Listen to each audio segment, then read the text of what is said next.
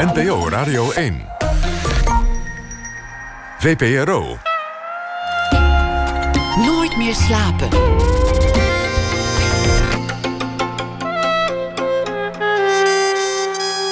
Met Pieter van der Wielen. Goedenacht en welkom bij Nooit meer slapen. We blikken terug op de beste films van dit jaar, 2017. Get Out, een film die horrorclichés plakte op het thema racisme. Nieuwslezer Simone Wijmans vertelt wat haar zo aansprak in die film. Simone Tagana Bekono debuteerde als dichter met de bundel Hoe de eerste vonken zichtbaar waren. Een bundel die gaat over identiteit en ze is hier te gast na ene. En dan heeft Don Duins een verhaal geschreven bij de voorbije dag. En dat zal hij voordragen. We beginnen komend uur met Marijn Raden de eerste danser van het uh, Nederlands ballet. Hij had een uh, briljante danscarrière in Stuttgart, naast de stad van Porsche en Mercedes, ook een stad van ballet. En bij zijn afscheid kreeg hij een staande ovatie van zo'n 20 minuten. Dat was uh, twee jaar geleden. Hij keerde terug naar Nederland om bij het Nationaal Ballet eerste danser te worden. Maar het noodlot had andere plannen in de vorm van een knieblessure. Een vrij ernstige blessure en hij moest zelfs geopereerd worden. Afgelopen zomer keerde hij terug op de planken. Marijn Rademaker, geboren in 1981, werd geboren in Nijmegen, volgde zijn opleiding onder andere in Den Haag en danste in vele beroemde balletten. Hartelijk welkom. Dankjewel. Waar, waar begon het eigenlijk mee, die blessure? Wat, wat is het moment dat je, dat je pijn hebt die je niet meer negeert? Ja, wij, wij proberen pijn altijd vaak te negeren. Omdat vaak dansen wij gewoon door pijn heen en gaat die pijn op een gegeven moment weg. En uh, deze keer um, begon die pijn bij La Dama Camellia een beetje te zeuren. Um, en ja, dan denk je van, nou, we gaan er gewoon doorheen en dat, dat gaat weer weg. Maar dat lukte dus niet. Um, ja, zo is dat begonnen. En dat is uitgegroeid tot gewoon constante pijn. En toen begon de knie te zwellen. En um, toen heb ik besloten om daar even echt goed naar te kijken. En toen kwamen er een heleboel dingen uit waar ik niet zo blij mee was. Hoe gaat dat dan? Dat, dat, is er dan iemand die zegt: en nu ga je het podium niet meer op? Of, of, of is het moment dat je, dat je dat gewoon niet meer kunt? Hoe werkt zoiets? Um, bij mij werkt het in mijn hoofd zo dat ik het podium niet meer opga als ik het niet meer kan. Als het echt niet meer lukt. Als het echt niet meer lukt en als ik zelf denk van dit gaat echt niet meer. Dat, dit is gewoon niet gezond. Maar die grens is soms heel erg moeilijk. En daarom hebben wij een, uh, een medisch team bij het Nationale Ballet waar we veel uh, samenspraak mee hebben. En uh, een fysiotherapeut. En we, zijn, uh, we kunnen naar artsen toe, orthopeden. Um, dus daar kunnen we mee ja, in discussie gaan. En die helpen ons ook die grens te laten zien van wat nou goed is, wat gezond is. En dat is wel fijn. Maar die arts gaat ook iets zeggen dat jij als danser nooit wil horen. Namelijk, je moet rust nemen. Ja, een danser wil geen rust nemen. Een danser wil de mooiste voorstelling maken die hij ooit gemaakt heeft. Ja, en dat is voor een danser inderdaad heel erg moeilijk. Ik denk voor sporters ook. Vermijd je dan ook de arts een beetje? Um, ik eigenlijk niet. Ik, als ik uh, zie dat het echt niet meer gaat, dan ga ik graag naar de arts. Want dan heb ik er zo genoeg van dat ik wil, gewoon wil weten wat er aan de hand is. Maar ik ken wel dansers die, die dat wel vermijden. Die, die doen dan hun ogen dicht, kleppen op en gaan door. En dan uh, ja, gaat het soms goed en soms ook niet. Als je op het podium staat en je hebt pijn. En je, en je lichaam zegt met die pijn eigenlijk: alsjeblieft, hou op. Maar, maar, maar, maar je zit er verder in. Je wil die, wil die voorstelling maken. Je moet die, die passen maken. Je moet die choreografie uitvoeren. Hoe doe je dat dan? Waar denk je dan aan? Mm, daar ben ik op dit moment wel best veel mee bezig. Want mijn knie is super goed, maar nog niet 100%. Dus soms dans ik wel met pijn. En um, vaak voel je die pijn helemaal niet meer. Want je zit zo in, in het stuk, in de rol, dat je die pijn niet voelt. En er komt dan een punt, tenminste bij mij heb ik wel een paar voorstellingen gehad waar die pijn er wel was. En um, dat is lastig. Want je voelt natuurlijk die pijn en dan denk je van... ah, die pijn is er weer kut. En je wil zo graag in die rol zijn of in het ballet zitten. En dat is vervelend, want zo wil je niet dansen. Je wil niet met pijn bezig zijn als je een mooie voorstelling wil neerzetten. Als een acteur die uit zijn rol wordt getrokken door de pijn in dit geval. Ja, zo, eh, zoiets, ja. En als dan het applaus komt en, en de voorstelling is voltooid, komt dan ineens de pijn? Of, of is er dan toch nog wel het applaus? Als die pijn er niet was tijdens de voorstelling, bedoel je? Nee, maar je hebt het gered, ondanks, uh, ondanks je knie of, of Ja. een ander pijntje. En, en dan, dan daarna kom je nog even terug om het applaus in ontvangst te nemen. Slaat dan de pijn dubbel zo hard toe? Of, of heb je dan nog wel genoeg concentratie om even dat, dat applaus te horen? Nee, dat, dat, als, kijk, als ik zonder pijn dans, dan vind ik dat applaus ook heerlijk. En eh, dan krijg ik waarschijnlijk ook na de voorstelling geen pijn. Dus dan, dan kan ik gewoon genieten van wat ik op toneel heb gezet en dat ik op toneel stond. Hoe is het gegaan met, met je knie? Want je bent geopereerd zelfs door een, eh, door een kraakbeenspecialist. Dat is goed gegaan. Op zich is je knie nu herstellende, in een, in een goede conditie. Hoe, hoe staat het er nu voor? Nou, kijk, ehm, het is een hele zware, zijn hele zware twee operaties geweest. En er is heel veel gebeurd in die knie. En ik heb twee jaar lang ben ik daarmee bezig geweest. Ehm, en zo'n knie heeft heel veel tijd nodig om ten eerste dat kraakbeen moet gewoon groeien tot, tot volwassen kraakbeen. Dat heeft minimaal één jaar nodig en is nog steeds aan het groeien. Ehm, en het, het hele het hele evenwicht van, van zo'n knie en zo'n been, want je krijgt eh, atrofie, dus die spieren gaan weg. Dat, dat moet weer helemaal opgebouwd worden. En daar ben ik mee bezig om nu dat evenwicht te zoeken van eh, hoeveel train ik met fysiotherapie, hoeveel balletlessen doe ik eh, en wat is slim om het evenwicht in die knie zo goed mogelijk te krijgen en het zo functioneel mogelijk sterk te krijgen om gewoon weer goed te kunnen dansen. Maar het punt waarop ik je nu spreek, is wel een punt waarop het duidelijk is dat het gaat herstellen en dat je weer zult dansen. Daar is geen twijfel over. Ik dans. Ik Je dans danst. gewoon. Eh, maar er zijn altijd nog dingen die ik makkelijker zou kunnen doen. Dus die knie is nog niet helemaal 100%. Ik zou zeggen, die zit op 90% nu. Dus ik kan een hele hoop dansen. Maar er zijn ook een paar dingen die ik soms heel goed kan. En dan de volgende week weer niet. En dat is voor mij psychisch ook wel lastig. Want dan zit je, je zit bovenop. Je denkt, ah, ik kan weer volle les doen. Ik kan springen. En dan de volgende week, dan zakt die knie weer een beetje in. En dan krijg je pijntjes. En dan kun je dat weer even niet. En dat vind ik dat op dit moment heel erg moeilijk. Het moment dat je geopereerd moet worden, dat, dat de dokter heeft gezegd: Oké, er is iets aan de hand, je knie is gezwollen, het gaat niet meer. Dan is er even een moment dat dat wat onduidelijker is. Dat er misschien wel, want je- bent ook al voor een danser eh, aan, ja, richting de leeftijd aan het gaan, dat het, dat het toch al niet meer gaat. Ja. Dan, dan komt er een moment dat het wellicht voorbij is. Dat, dat, lijkt me, dat lijkt me een ontzettend lastig moment, want dan gaat het niet alleen over je knie, maar ook over je, over je baan, over je inkomen, over, over je, je identiteit, over je, Ja. je kunst. Dat is waar. Het, het eerste was wat me ehm, in mijn hoofd schoot toen dat hij zei dat ik misschien wel nooit meer zou kunnen dansen. Of hij zei eigenlijk: het is aan jou of je weer wilt gaan proberen te dansen. Ja, het eerste was op, wat opkwam was dat ik niet meer op toneel zou staan. Toen ging het nog helemaal niet over mijn droom, over wat, wie ik ben, mijn identiteit, over ja, het is toch mijn livelihood. Eh, ik verdien mijn, mijn geld ermee.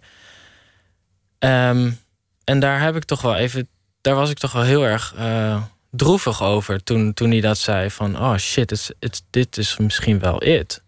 En je wil niet dat zo'n blessure jouw einde van zo'n carrière bepaalt. Dat, dat wil ik niet. Dus dat was wel moeilijk. En daarna, toen ik de hele tijd niet meer danste, toen kwam pas dat inzicht. Een beetje een identiteitscrisis eigenlijk. Van wie ben ik nou eigenlijk? Want iedereen associeert mij eigenlijk met mijn dans, dansen en mijn danser zijn. En ik eigenlijk ook. Want je, je hebt nooit een ander leven gehad dan dat. ik heb eigenlijk nooit een ander leven gehad dan dat, nee. Al sinds je elfde, toch? Sinds mijn ja, achtste ben ik begonnen met dansen en met elf professioneel op een school, ja. Ja, we moeten het ook niet, niet erger maken dan het is. Je hebt natuurlijk wel liefdes en, en vrienden en, en hobby's en interesses. Maar, Natuurlijk, dat maar is ook laten, zo. we, laten we wel, wel wezen, een heel groot deel van het leven ging over dans tot nu toe. Het grootste deel van mijn leven gaat en Nog ging steeds? over dans. Ja. Dus En- als dat weg zou vallen, dan, dan, ja, dan, dan kan ik me voorstellen dat je even onthutst bent en denkt: wie ben ik eigenlijk? Ja. Maar ik was niet depressief of zo hoor. Ik, ik ben ook een persoon die gewoon. ehm, ik kan heel snel omschakelen. Ik, ik zou zo, terwijl het heel jammer zou zijn, zou ik zoiets anders kunnen gaan doen. Dat, dat kan ik dan zo. eh. Je bent flexibel in die zin. ik, ben, ja, ik ben flexibel, bijna agressief en flexibel, geloof ik. Dat ik die switch heel goed kan maken. Dan zeg ik: oké, nou dat is klaar. Dat kan gewoon niet meer. Dan ga ik iets anders zoeken. Ik ga niet. mm, hoe zeg je dat? Met de pakken neerzitten? Ja, of, Beide pakken ja, je hebt lang in Duitsland gewoond. Ja. Dan weet je al die uitdrukkingen Ja. niet meer. Beide pakken. Beide pakken neerzitten. Wat zou je dan gaan doen? Heb je, heb je daarover nagedacht in die periode? Ja, ik wil heel graag een bar openen ooit of een restaurant. Eh, misschien naar de hotelschool in de, in de horeca gaan. Eh, of ik zou heel graag balletmeester zijn. Dat heb ik ook gedaan toen, eh, toen ik zo lang niet heb kunnen dansen. Dus soms kwam niet wedding planner, maar ik, ik hou er heel erg van organiseren ook. Dus zulke dingen zou ik misschien wel kunnen doen. Dus er zijn een hele hoop opties in mijn hoofd die ik ook zou kunnen doen. Die ook allemaal prachtig zijn. Die ook prachtig zijn. Ja, zeker. Maar goed, je bent teruggekeerd naar Nederland eh, twee jaar geleden eh, vanuit Duitsland. Je, je- je zit op, ja, op de mooiste positie die je in dit land kunt krijgen in, in jouw vak. Dus je moet toch nog zeker vijf jaar, zes jaar doorgaan en nog een paar prachtige, onvergetelijke voorstellingen maken. Ja, zeker. Dat is de bedoeling. Ik wil nog heel graag zeker tot na mijn veertigste dansen. En daar ga ik ook alles voor doen. En ehm, ja, ik denk dat we daar samen met eh, samenspraak met mijn directeur Ted Bransen en de hele staf gewoon naar moeten kijken wat er mogelijk is. En eh, dat doen ze ook altijd. Ze zijn fantastisch. Het begon, je zei ik begon met dansen op mijn achtste en, en het werd min of meer professioneel op mijn elfde. Wat, wat gebeurde er toen je ging dansen? Hoe kwam je daar terecht? Nou, we hadden van die, van die gordijnen in de, in de woonkamer. En ik zette muziek op. En ik en mijn broertje gingen achter die gordijnen staan. En eh, mijn moeder drukte dan op play. En wij gingen door de huiskamer dansen. Nou, toen zette Michiel, mijn, mijn kleine broertje, die, zette, die eh, ging op de bank zitten, ging me uitlachen. Er is trouwens nog een best leuke foto van. En ik ging door met dansen. En ja, ik vond dat blijkbaar super, super leuk. En toen zei mijn moeder: Wil je niet een keer op dansles? En toen in eerste instantie zei ik nee, want ik had in mijn hoofd zo'n, al die meisjes met roze tutuutjes. En vond ik helemaal niks, want ik zat op voetbal en ik was aan tennissen en zo. En eh, toen vroeg ze het nog een keer, omdat ik gewoon bleef dansen. En toen heb ik dat geprobeerd. Ik weet nog dat de eerste les vond ik heel eng. Ik weet nog dat ik achter mijn moeder stond, was aan het huilen. Ehm, maar ik heb het toch gedaan. en ik weet niet waarom ik daarbij eh, ben gebleven. Ik vond het blijkbaar super leuk. En terwijl het ook eng was. En zo is dat begonnen. En toen eh, was er een. ehm, kwam iemand van de Nationaal Ballet Academie kwam eh, scouten. Toen was er zo'n soort auditietje. En toen hebben ze mij gevraagd om naar Amsterdam te komen voor zo'n oriëntatieles elke zaterdag. En dat hebben we toen gedaan ook. Het was een leuk uitje met mijn moeder in de trein naar Amsterdam. Vond ik altijd super, super spannend. Soms had ik ook geen zin. En eh, na afloop kreeg, eh, deelden we altijd zo'n zo'n zo'n mars. Dat weet ik nog goed. Dat was altijd leuk. Dit klinkt nog vrij, vrij onschuldig, dat, dat er eigenlijk nog geen ernst aan vast zat. Dat het gewoon een uitje was naar Amsterdam. Of er kwam een meneer kijken. Of oh, goh, ja, lijkt het je leuk? Ja, lijkt me wel leuk. Ja, Daar zit nog geen ernst aan vast. nou, die les in Amsterdam, daar zat wel ernst eh, aan vast. Ik vond het best wel spannend. Ik vond het ook leuk om naar Amsterdam te gaan. Ik kijk er met plezier op terug. Maar ik weet wel dat... ehm, ja, die lessen... die waren toch best wel streng. En dat vond ik... ik als ik er nu op terugkijk, vond ik dat best wel eh, heftig, ja. Maar toch leuk genoeg om ermee door te gaan. Je was gemotiveerd, dus het maakte niet uit dat het streng was en soms wat serieuzer dan je, dan Ja, je daarvoor gewend Blijkbaar was. was ik gemotiveerd, ja. Wanneer hield je jeugd op? Hm. Wanneer hield mijn jeugd op? Ik denk toen ik. Toen ik naar Arnhem ging, naar de Hogeschool voor de Kunsten. Het heet nu Artes. En toen, ja, toen za- ik zat nog Hoe oud was je toen? Ehm 12 of zo. Toen zat ik op de basisschool nog. Ja, op de basisschool, maar toen moest ik daarna wel naar Arnhem. Dus ik moest s'avonds naar Arnhem, toen kwam ik weer terug. En daarna ging ik naar de middelbare school in Arnhem. Ehm, maar kon wel altijd terug naar huis. Want ik, ze wilden me eigenlijk in Amsterdam hebben. Maar ik en mijn ouders vonden dat te ver weg van huis. En ik zou een gastgezin moeten en dat wilden we niet. Dus ben ik naar Arnhem gegaan. En nou ja, je, je staat vroeg op. Ehm, en je, je, je moet naar het station, naar school. Het begint om acht uur. Nou ja, moet je zeker zes uur op. Dan doe je je school. Dan doe je balletles erna. Dan moet je nog terug. Dan moet je huiswerk maken. Dan staat je bordje in de magnetron. Dat klinkt heel zielig. Maar het is wel een beetje... je, je kunt niet met vriendjes buiten spelen en ehm, andere dingen doen. Je dag is gewoon vol. En that's it. En dat, dat begint daar en dat houdt met je achttiende op. En dan ga je naar een company.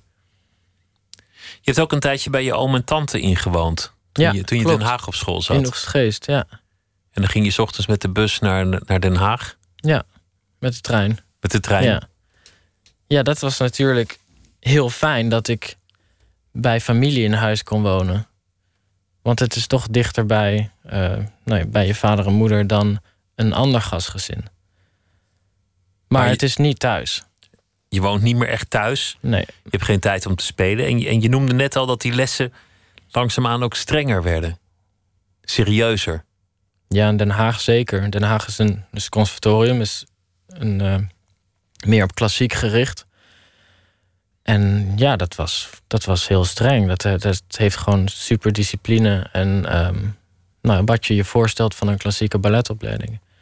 En, het is gewoon, en ik vond school, ik haatte school, dus normale school, dus wiskunde en zo. Ik vond het vreselijk. En ik heb daar echt, god heb ik daar met bijles en ik vond het zo erg. En het, het is gelukt, maar ik heb er zo hard voor moeten werken. Eh, ik ben er wel trots op. Ik heb HAVO gedaan. Ik heb het gehaald. Ehm, maar ik zou het echt nooit meer terug willen. Ik ook niet hoor, niemand. De HAVO die wil niemand overdoen. Nee. En het VWO ook niet. Sommige Nee. mensen lukt het allemaal zo makkelijk. Weet je, die. Het zijn van die booksmart. Ben ik altijd zo jaloers op. Maar is het eigenlijk jammer dat je geen, geen echte jeugd hebt gehad? Of dan maar een veel, veel kortere jeugd dan de meeste? Waar anderen dan, weet ik het, eh, jointjes gaan roken... en kattenkwaad en brommen rijden en eh, een krantenwijkje nemen. Is dat jammer? Nee, ik vind het niet jammer, want ik wilde, ik wilde dansen en ik heb het met alle plezier gedaan. Terwijl het ook, wat ik zei, school is school, dus is vervelend. Maar ik heb met zoveel liefde gedanst. En ik heb er natuurlijk niet over nagedacht dat ik niet zo'n vrije jeugd had of heb als, als anderen. Want dit was jouw jeugd. Je had geen ander beeld. Ik had geen ander beeld. Nu ik terugkijk, denk ik wel van ja. Ik ben nooit, nooit naar een disco of zo. Ze zeggen nu club, maar nooit naar een disco geweest. Eén keertje misschien heeft iemand me meegenomen in Den Haag. Eh, Terwijl je zo van dansen houdt. ja, maar niet dat, voor, dat soort dansen. Dat Nee. kan ik niet. Ehm, Kan je niet ook? Nee, dat, ik voel me dan altijd zo, zo raar. Daar hou ik niet van. Wat grappig, misschien juist omdat je zo goed van weet wat dans is en, en hoe je lichaam hoort te staan, dat je, dat je dan op een dansvloer je ongemakkelijk voelt. Ja, misschien. Ik moet veel drinken, moet ik me op een dansvloer eh, makkelijk voelen. ja. Je zei het is precies wat je je voorstelt bij een klassieke balletopleiding. Daar kan ik me nogal wat bij voorstellen, want, want, want er zijn recent een paar films over gemaakt. Een, een documentaire over een Russische danser die, die aan lager wal raakt. En eh, Sergej Polunin. ja, en die, die, die, eh, die, die ermee ophoudt en die aan de drugs raakt en, Ja. en, en die het moeilijk krijgt. Er is eh, de film Black Swan geweest, alweer, alweer iets langer geleden. ja, maar ja. Black Swan is een beetje overdreven. En Polounins verhaal is, is, is ook niet het stereotype dansersleven. Dit, deze films schetsen allebei, eerlijk gezegd, een horrorbeeld van, van de danswereld. Van hoe het is om een jonge danser te zijn. Ja, dat is waar. Dat is waar. En dit zijn, tenminste, Polounins verhaal is gewoon een uitzondering. En een hele, hele droevige film vond ik het. Heel jammer. Want nou, hij, het gaat trouwens best wel goed met hem, geloof ik. Hij heeft net een nieuw programma in, in uh, Settlers of Coliseum in Londen uh, uitgebracht. En die kreeg goede kritieken. Maar ja, het is natuurlijk heel droevig om te zien hoe uh, hij zijn plezier voor de dans verloren heeft. Door die druk die hij had. En dat zou gewoon nooit mogen gebeuren. Het, moet, het plezier moet er blijven. De, daar gaat het toch om. De lust om te dansen. Ja, daar gaat het om. En als je dat verliest, en door de druk om te presteren, ja, ik snap dat niet. Heb jij die druk ooit gevoeld? Um, ja, tuurlijk voel je die druk om te presteren, want je wil het zelf ook. Maar het, is, het heeft nooit de overhand genomen. En ik denk dat dat komt door wat, wat mijn ouders altijd zeiden. Die zeiden: als je geen zin meer hebt, dan ga je iets anders doen. Je zit er vrijwillig. Hoe ja, dan ook. je zit er vrijwillig. En kijk, ik heb nooit echt die droom gehad van eerste solist zijn of zo. Ik wilde dansen. En ja, tuurlijk. Oh ja, dan, ik kwam in het Cordobella in Stuttgart. En die, er waren zoveel jongens die zoveel beter waren dan ik. Dus dat was mijn eerste stap. Gewoon, oh, oh, ik moet uh, ook zo goed worden. Nou, toen was ik beter geworden. En toen kreeg ik mijn eerste solo-rolletje. En dat vond ik super spannend. Ik was, ik weet nog, ik was zo nerveus. Nou, dat ging goed. Toen hebben ze me een beetje gezien van wat ik kan. En zo verleg je, heb ik dan mijn grens verlegd. Toen, oh ja, dat zou ik ook wel een keer willen dansen. Maar ik heb nooit dat beeld gehad van ik wil eerst solist worden. Dus ja, die pressure voor mij, die was er nooit. Van, oh, ik moet dat bereiken. En als het niet lukt, dan uh, weet ik het niet. En zo. Dat, het, het is allemaal best natuurlijk gegaan. En ik denk dat dat harde werken zit gewoon in mij. Ik weet ook niet waar dat vandaan komt. Maar ja, die druk uh, heb ik nooit echt zo ervaren, nee. Het was, het was, eh, corrigeer me als ik het verkeerd heb, maar het was al een tijdje geleden dat, dat de eerste danser van het Nationaal Ballet een, een, een Nederlander was. Ja, Boris de Leeuw was de laatste. Ik weet niet wanneer, ik geloof 91. Nou ja, er, er zit dan alweer uh, 25 jaar tussen. Ja, nee, misschien heb ik het Nee, fout. Nee, Tussendoor ook nog wel. Dat Nou- weet ik niet precies. Maar het zijn heel vaak zijn, zijn de, de topdansers, de eerste dansers bij een ballet, die komen uit, uit andere landen. Ja, Terwijl we wel een, fantastische danscultuur hebben in Nederland. Maar, maar dat specifieke, dat lijkt toch niet helemaal in die Nederlandse cultuur te zitten. nee, dat klopt. Ik denk dat dat. Ja, weet je, we hebben een relatief jonge cultuur, danscultuur in Nederland. En ook best meer modern. Als, als we het vergelijken met Rusland en eh, Frankrijk. Daar is het echt in de cultuur eh, ja, zeg maar vastgeketend. Daar, zo lang geleden zijn ze ermee begonnen. En hier in Nederland ehm, is het veel later begonnen. En ik denk ook dat de mentaliteit van de Nederlander heel erg anders is als die van zeker de Russen en ook de Fransen. Milder. Eh, ja, milder, nuchterder. Van, oh, eh, ja, het is niet, we hoeven niet zo hard te werken. En als we een beetje ons best doen, dan doen we het wel goed genoeg.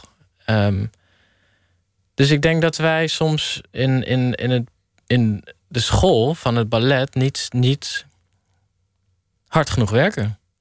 Niet streng genoeg zijn. niet streng elkaar. genoeg zijn. Ja. Want dan, dan komt wel dat beeld naar voren van de Russische dansleraar. Die, die, eh, het hoeft misschien niet meteen met schreeuwen gepaard te gaan, zoals in die, in die documentaire. Of, of met, met andere manieren van, van druk uitoefenen. Maar, maar je moet wel proberen het allerbeste uit je leerling te halen. Ja, ik denk dat discipline gewoon en herhaling gewoon super belangrijk is. Voor een, voor een jonge leerling. Want in de jonge jaren word je gevormd. Ook mentaal. En het is een heel hard beroep. En eh, ik wil helemaal niet denigrerend over de jeugd van tegenwoordig spreken. Want het is een andere tijd. En dat kun je ook niet tegengaan. Maar ik zie wel een hele andere dynamiek in scholen komen en in uh, jonge dansers. Dingen die ik als jonge danser nooit zou hebben gedaan en gedurfd. En, uh, maar dat eh, heeft heel veel met. Ik denk dat het heel veel met sociale media te maken heeft. En misschien is dat helemaal niet zo slecht. Maar, maar leg eens uit wat je, wat je bedoelt. Wat is er anders? Nou, jonge dans. Weet je, toen ik in de company was, toen. Ik, was, uh, ik had heel veel eerbied voor um, oudere dansers. En um, ik liet dat niet bewust zien, maar um, ik en mijn collega's zijn zo opgegroeid dat we daar best voorzichtig mee om zijn gegaan met de hiërarchie en uh, wie mag er vooraan staan en wie brengt de bar uh, terug. Eerbied, eerbied voor de omgeving waarin ja. je bent aangekomen. En ik zeg niet dat dat moet en ik zeg niet dat dat goed is, want misschien was het een beetje overdreven. En nu zijn de jonge dansers veel vrijer. En ik als eerste solist ben ook ontzettend vrij naar jonge dansers. Dus het is aan het veranderen. En ik weet niet waar dat naartoe gaat. Uh, het is, het is mij, mij duidelijk. Je zegt het is een, het is een harde wereld. In, in fysiek opzicht, dat is mij al duidelijk. Dat je door je pijn heen moet dansen. Dat je, dat je die voorstelling hoe dan ook afmaakt en hoe dan ook zo goed mogelijk. Door, door je lichaam heen, de lange uren. De, de, de lat die enorm hoog ligt. Is het ook psychisch voor, voor een jonge danser een harde omgeving? Ben je kwetsbaar? Ja, uh, ben je kwetsbaar? Als ja. je kritiek krijgt ten overstaan van de groep bijvoorbeeld, of als je heel hard werkt en iemand zegt: Ja, ik zie het eigenlijk nog niet. Ja, weet je, wij groeien daarmee op in de school. Dat we krijgen al door kritiek, al door corrections, uh, correcties. Dus ja, ik denk dat het voor normale mensen is het ook moeilijk om kritiek te krijgen. Dus ik denk dat iedereen in dat opzicht wel kwetsbaar is. Maar wij zijn gewoon heel erg veel gewend. Dat hoort erbij. Kritiek zul je krijgen. Ja, kritiek bedoelen we niet als iets slechts. Kritiek is er om, om dansers te helpen om beter te worden. En sommige mensen uh, zeggen dat misschien heel op een vervelende manier. En dat is misschien dat, dat cliché Russische wat, waar ik het niet mee eens ben. En Black Swan en al die Ja, films je- waarin iemand wordt afgefikt. Ja, je hoeft niet iemand de grond in te boren om, om eh, iemand beter te maken. Daar geloof ik niet in. Maar kritiek moet je zeker. En je, je moet ook gewoon kort en bondig kunnen zeggen: nee, dit is niet goed genoeg. We gaan het nog een keer doen. Dit en dit moet beter. Let's Dus die, dus die kritiek gaat eigenlijk niet over jou, maar over jouw werk, over jouw kunst. Dat, dat vat je niet persoonlijk op. Nou, de- je bent er natuurlijk heel persoonlijk mee bezig. Maar het is, het is als, je altijd in je, als je altijd blijft denken: het is om jezelf om beter te worden, dan is het toch allemaal goed. Je leert ervan. Je denkt: oké, dit neem ik mee. Ja, dit is, ja ik, ik, ik ben altijd super met kritiek omgegaan. Het is, ik zeg altijd ja, dat gaan we doen. Want die, die, die eh, balletmeester voor de spiegel, die ziet dingen. Ik zie dat niet. Ik ben aan het dansen en kijk soms wel in de spiegel.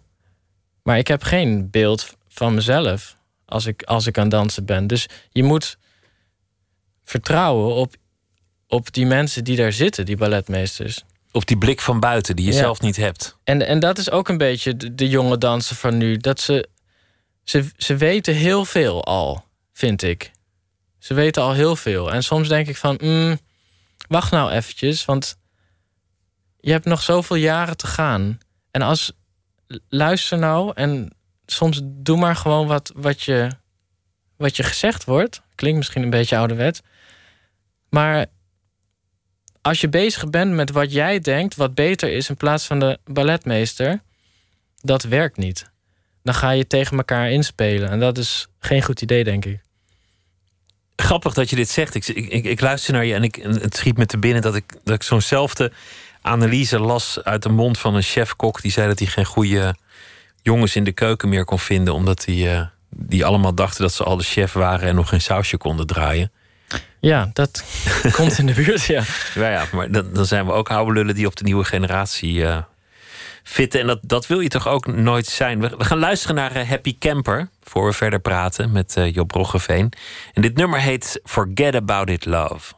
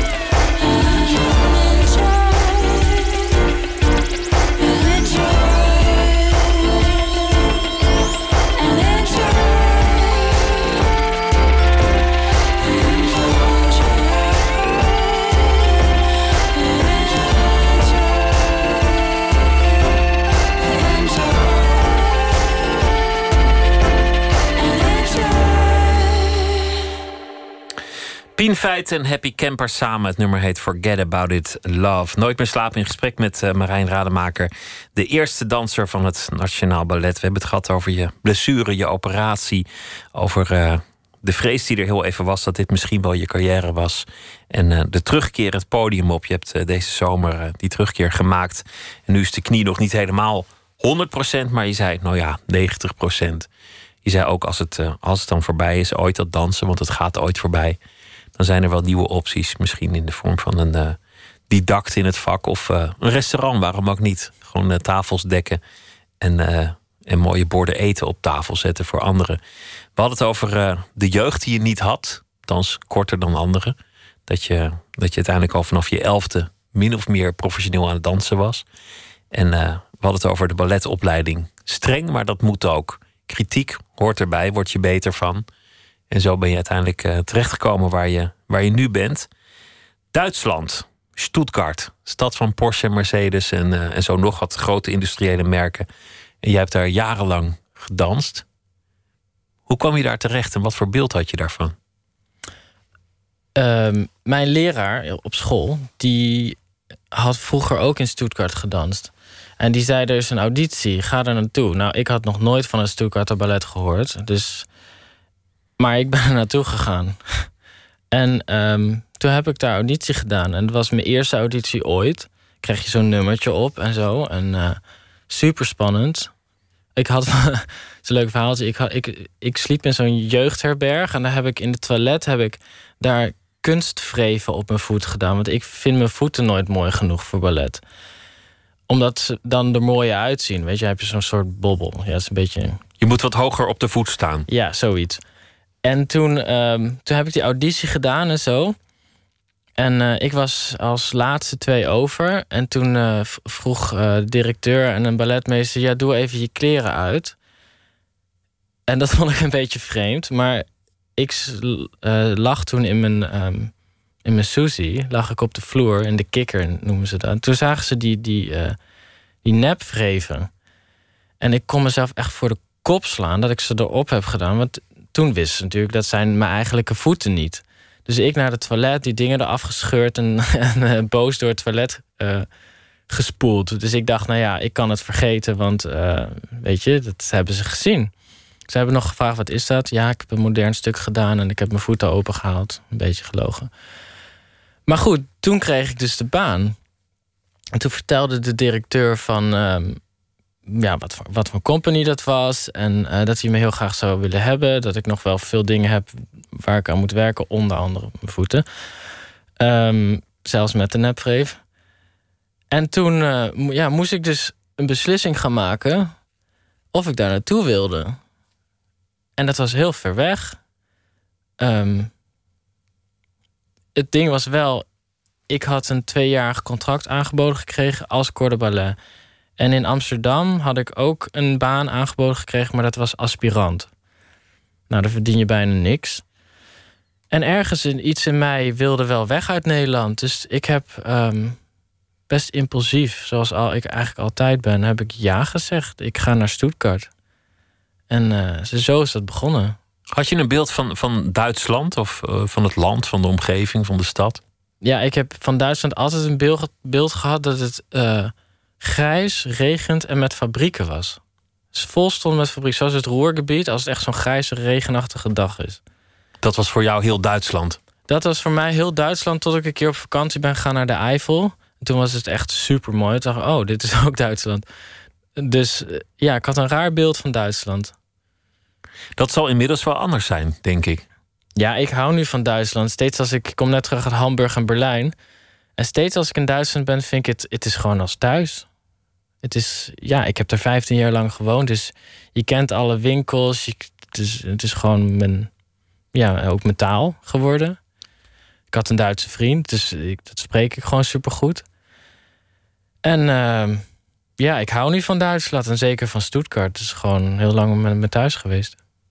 En toch ging je op een gegeven moment terug naar, uh, naar, naar Nederland, naar Amsterdam. Min of meer op eigen initiatief. Je hebt het te kennen gegeven aan, uh, aan Ted Brandsen dat je daar wel voor open zou staan om hier naartoe uh, te gaan. Hoe kwam dat? Um, de atmosfeer in, in de compagnie in Stuttgart ging, ging nogal af achteruit. Um, dat was één factor. En ook, ik had, ik had daar bijna alles gedanst. En er werd veel herhaald. En ik was niet meer gelukkig daar. Ik wilde iets anders.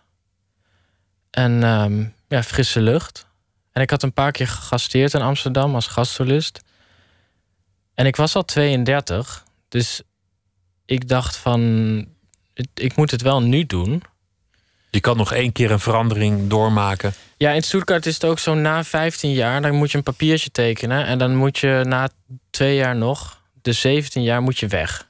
Dus ik zou met, even kijken, 234 of zo, zou ik weg moeten gaan.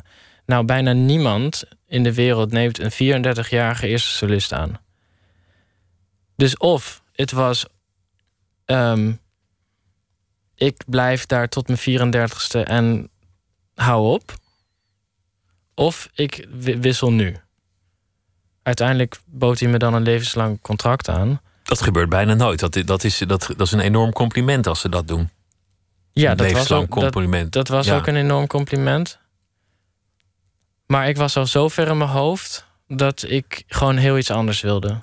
Je had de beslissing eigenlijk al genomen. Ik had de beslissing eigenlijk al genomen, ja. Ik was gewoon niet meer blij in hoe de groep zich ontwikkelde. En um, ik wilde gewoon wat anders. Laten we het hebben over het moment dat je danste, over de voorstellingen, over, over, uh, over, over de wereld van het, van het ballet. De fantasiewereld die het ballet creëert. De, de wereld die jullie verbeelden. In het ouderwetse ballet is, is, is het mannetje echt een man die, die de tengere vrouw met één arm optilt en zes keer in de ronde zwiert en altijd veilig opvangt. En die verhoudingen die zijn, die zijn opgeschud.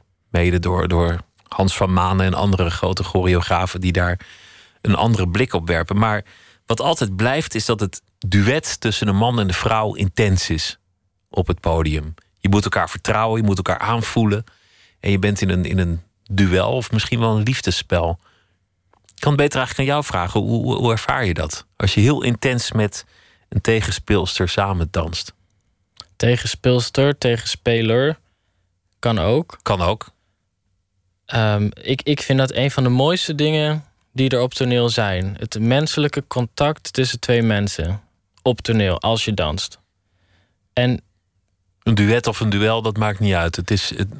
Een duet kan een duel zijn. Een duet kan inderdaad een liefdesding uh, zijn. Um, maar om een rol te vertolken of een, een atmosfeer te vertolken, je bent toch iets anders op toneel dan je eigenlijk bent, dan je eigen persoon. En Als een acteur, je hebt een rol. Ja. En natuurlijk komt er heel veel van jezelf in terug. En die ander heeft het ook.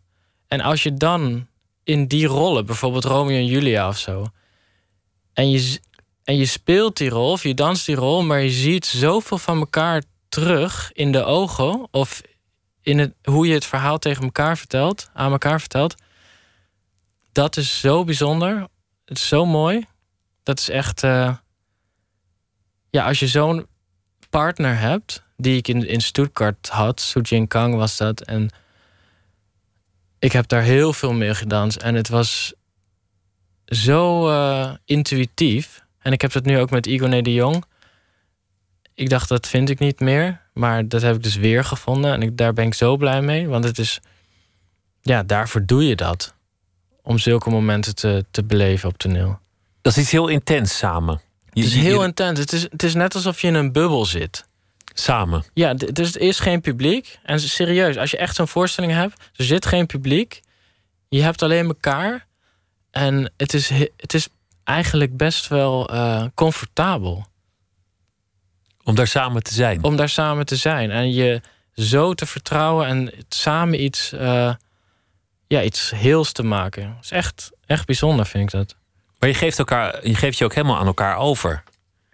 Ja, de, de een ja. landt in, jou, in jouw arm of jij tilt iemand op. Ze, ze moeten zich echt aan jou overgeven en andersom ook. Lichamelijk en ook met, met uh, ja, dan, ik noem het niet graag toneelspel. Met het vertellen ook. Want je, je, als je een voorstelling tien keer doet, dan elke keer is het hopelijk anders. En zeker als je iemand heel goed kent, zoals Sujin of Igone, we zijn echt hele goede vrienden, dan kun je heel veel nuances brengen in je spel. En dat maakt zo'n voorstelling zo goed, denk ik. Je noemde het liefde. Je zei het kan liefde zijn. Lijkt het daar ook op? Samen in een kokon zitten? Ja, dat is, dat is, dat is liefde voor elkaar, voor wie je eh, bent op toneel. Liefde voor het vak, voor de muziek. Uh, dat is eigenlijk een en al liefde, ja. Igor heeft gezegd dat, dat als jij niet op mannen zou vallen en zij niet al op iemand anders zou vallen, dat, dat jullie zonder enige twijfel zouden trouwen. Ja. Maar dat het huwelijk zich voornamelijk op het podium zou afspelen. Ja. Lief, hè? Ja, het is lief, maar ook mooi. Ik vind, ik vind, ook, een, ik vind ook een geestige uitspraak, maar ik vind, ik vind ook een mooie uitspraak, omdat het iets zegt over die intensiteit daarvan. Ja, het is, het is ook echt zo. We zijn zulke goede vrienden en kunnen alles bij elkaar kwijt. En uh, als je dan ook nog zo met elkaar mag dansen, dat is gewoon. Ja, het is. Ja, once in a lifetime eigenlijk. Ja, voor jou, voor, voor, jou twice in a lifetime. Ja. Maar, maar dat is heel schaars om te vinden. Je zou dat niet met iedere danser die professioneel en goed is kunnen hebben. Nee, ik dans met meer mensen en ik wil niet zeggen dat ze niet goed zijn en dat ik er geen klik mee heb. Maar met die, deze twee uh, vrouwen heb ik een hele speciale klik. En dat vind je niet vaak. Vind ik niet vaak. Je zei het gaat ook over de expressie, over, over de, de kunst. Je bent iets aan het verbeelden. Je bent niet alleen maar eh, aan het dansen als een soort acrobatiek. Of, of een mooie beweging aan het maken. Maar je wil ook de rol duidelijk maken. Ja, dat vind ik een van de leukste dingen die er zijn. Bijvoorbeeld, er was een, een eh, Othello, is een stuk van John Neumeier, dat heb ik in Stuttgart gedanst. En er is een, een rol Diago, en hij is de slechterik. En ehm, hij heeft alle touwtjes in handen. En het is een zeer gecompliceerde rol. En ik vond het zo leuk om serieus uit te zoeken van hoe, wanneer kijk je naar hem en wanneer kijk je naar haar, aan welk touwtje, ehm, ja, geen zichtbaar touwtje natuurlijk, trek je dan en wat gebeurt er als je dat niet zou doen? Dus gewoon echt een, zeg maar, een kaart, het in kaart brengen van, van je acting. En dat heb ik eigenlijk met al mijn rollen gedaan, ook met Sleeping Beauty. Uh, elke keer als ik een rol voor het eerst heb gedaan, zo'n verhalend groot ballet, heb ik dat gedaan. Want ik denk als je een goede basis hebt, dan weet je precies wanneer je wat moet doen. En van daaruit kun je erop bouwen. Kun je gaan experimenteren. Kun je gaan, um, ja, uh, hoe noem je dat? Develop. Ontwikkelen. Ontwikkelen, ja.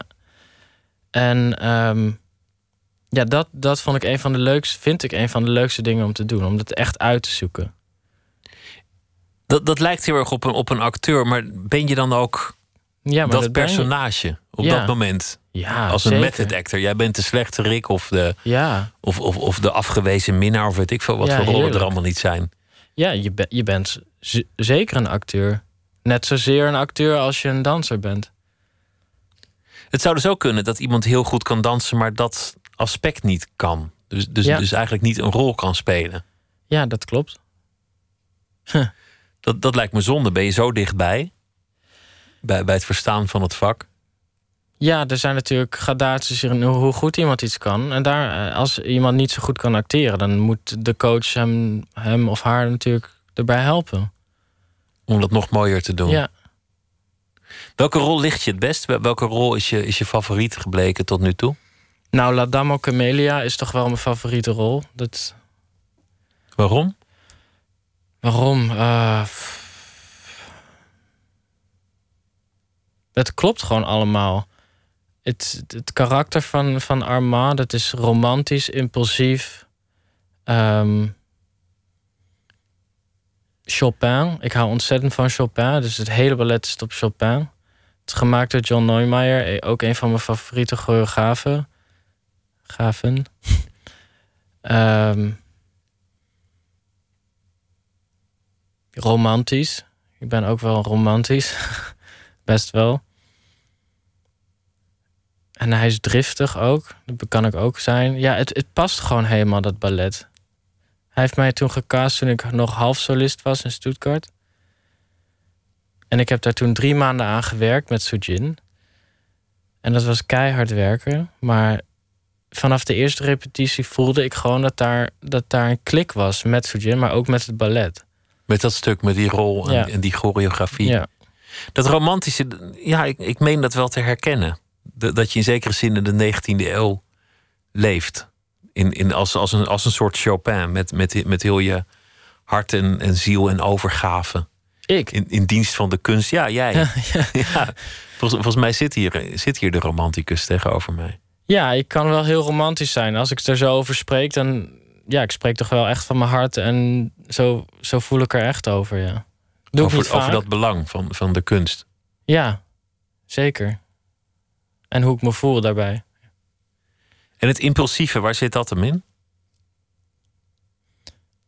Het, zit gewoon in mij. Dat heb ik altijd gehad.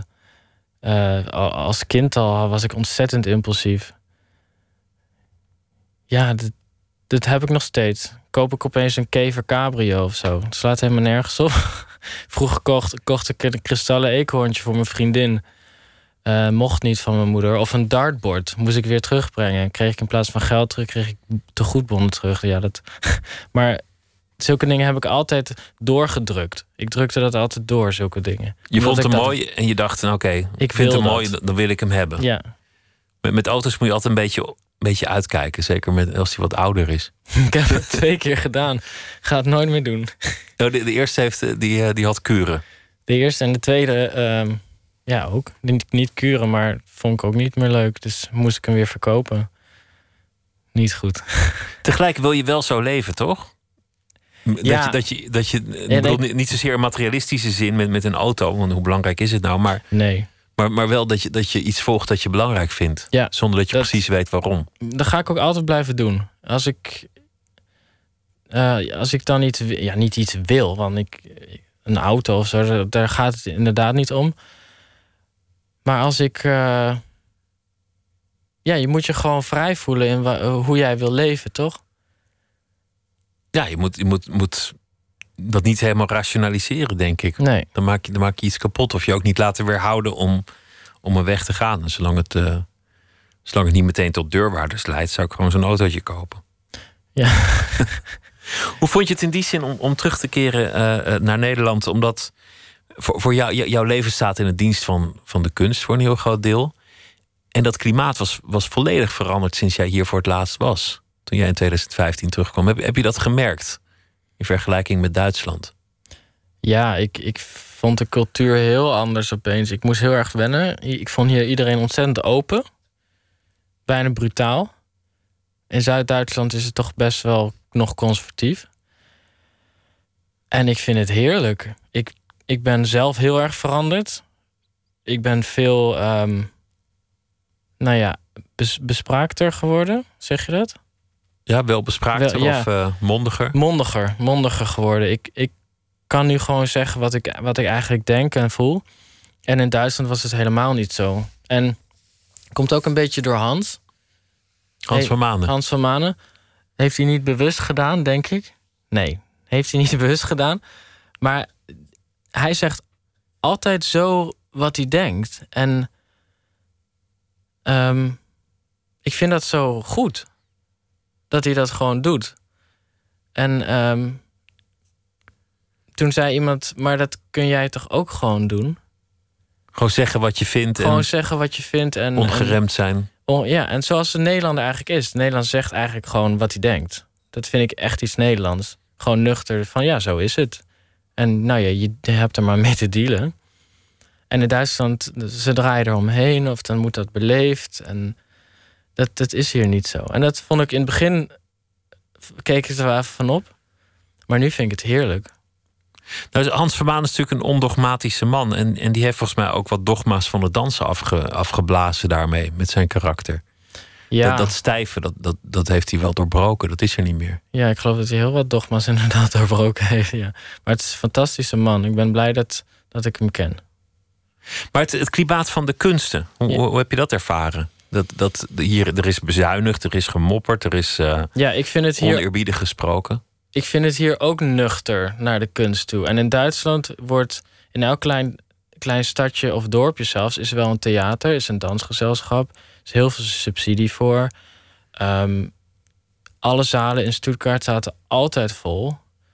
Fans ongelooflijk enthousiast.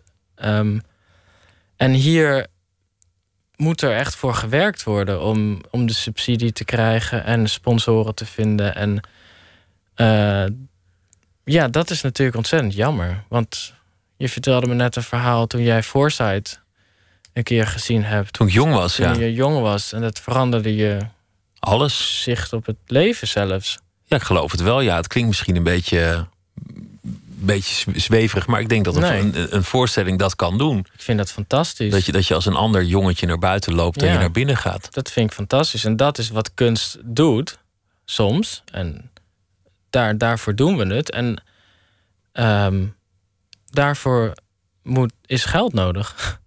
En als dat eh budget cuts geda- gedaan worden, dan, dan is die kunst er niet meer. En er worden geen levens meer veranderd. En dat is heel erg tragisch. Maar dat is iets heel kwetsbaars. Ja. Ja. Wat gaat er nu gebeuren? Want ehm, bij, bij het ballet is nu eh, de Sleeping Beauty aan de gang. Als eh, een soort van eindejaarstraditie, het, het, het ballet. Helemaal uitverkocht. Jij bent klaar om weer te, te dansen. Bijna helemaal. Wat, wat staat er op de rol voor eh, de komende periode? Nou, eh Sleeping Beauty dus. Nog tot 2... Nee, tot 1 januari. Dan is er vakantie. Ik ga een, uh, een gala doen in Sardinië. Dan, ben ik uitgenodigd, dus dan dans ik een avond. En na de vakantie komt Don Quixote. En daar dans ik ook weer in. Dus dan wordt het weer aan de bak. Ik wens je heel veel succes en ik wens je veel mooie voorstellingen. En nog een, een carrière van vele jaren die veel moois gaat brengen. Dank je wel. Dank je wel. Marijn Rademaker, dank. En uh, zometeen gaan we verder met Nooit meer slapen. Don Duins die heeft een verhaal geschreven bij de dag. En we blikken samen met VPRO Cinema terug op de films van het jaar 2017. De stemming voor de beste film van het jaar is uh, geopend. En uh, dichter Simone Atangana Bekono komt langs in de rubriek Open Kaart. En ze heeft een uh, bundel geschreven hoe de eerste vonken zichtbaar waren. Twitter, het VPRO NMS. En we zitten ook op Facebook. En u kunt zich abonneren op de podcast via de site van de VPRO. vpro.nl slash nooit meer slapen. Of via iTunes, kan natuurlijk ook. Zometeen gaan we verder met Nooit meer slapen.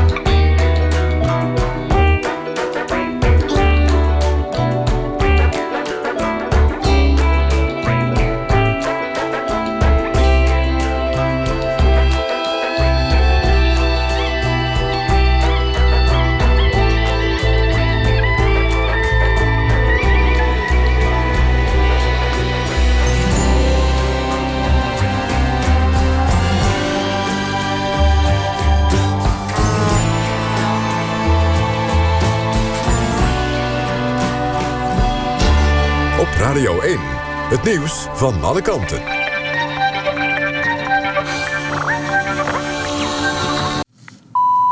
1 uur. Renate Evers met het NOS Journaal. Het bestuur van de Tweede Kamer gaat geen onderzoek doen... naar de forse schenking aan D66-leider Pechtold. Die heeft een appartement gekregen van een Canadese oud-diplomaat. Hij gaf dit niet op in het geschenkenregister van de Kamer... omdat het volgens hem een privé-kwestie is. PVV-leider Wilders wilde toch een onderzoek... maar het bestuur van de Kamer zegt niet bevoegd te zijn. Bovendien staat er geen straf op het onjuist opgeven van geschenken.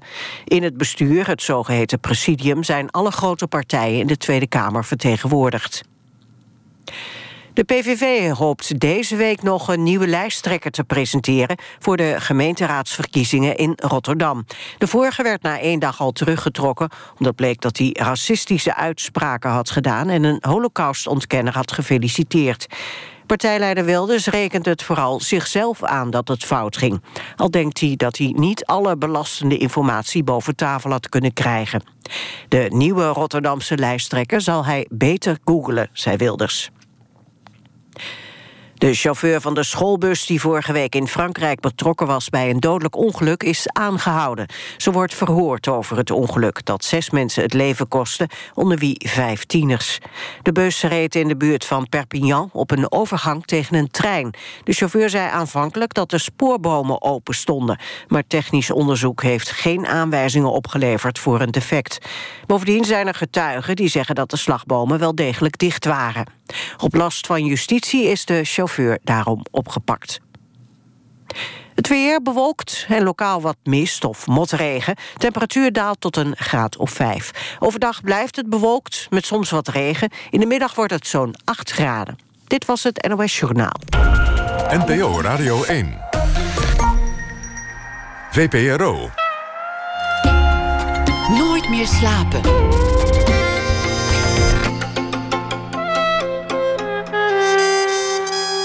Met Pieter van der Wielen. Straks journalist en presentator Simone Wijmans over Get Out. Die zij uh, film van het jaar 2017 vindt. En Simone Atagana Bekono komt langs vanwege haar uh, bundel... hoe de eerste vonken zichtbaar waren. En Don Duins heeft een verhaal bij het nieuws van de afgelopen dag.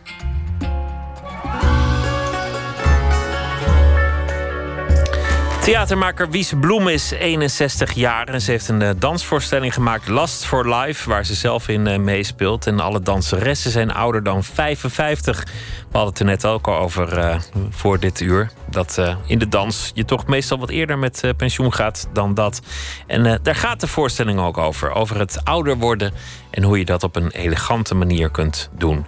Wies Bloemen, goeienacht. Goeienacht. Ja, in de, de danswereld ben je eigenlijk op je, op je 40ste wel uitgerangeerd. Dit zijn allemaal danseressen ouder dan 55. Dat vind ik bijzonder. Ja. Van waar deze voorstelling? Omdat ik uh, vond dat ik veel te weinig zag op het uh, toneel en in het theater en in de dans. Waar heb je de danseressen gevonden? Ik heb auditie, uh, ik heb een oproep gedaan voor een auditie. En toen kwamen er verschrikkelijk veel aanmeldingen. Waar, waar komen die mensen vandaan? Wat is hun achtergrond?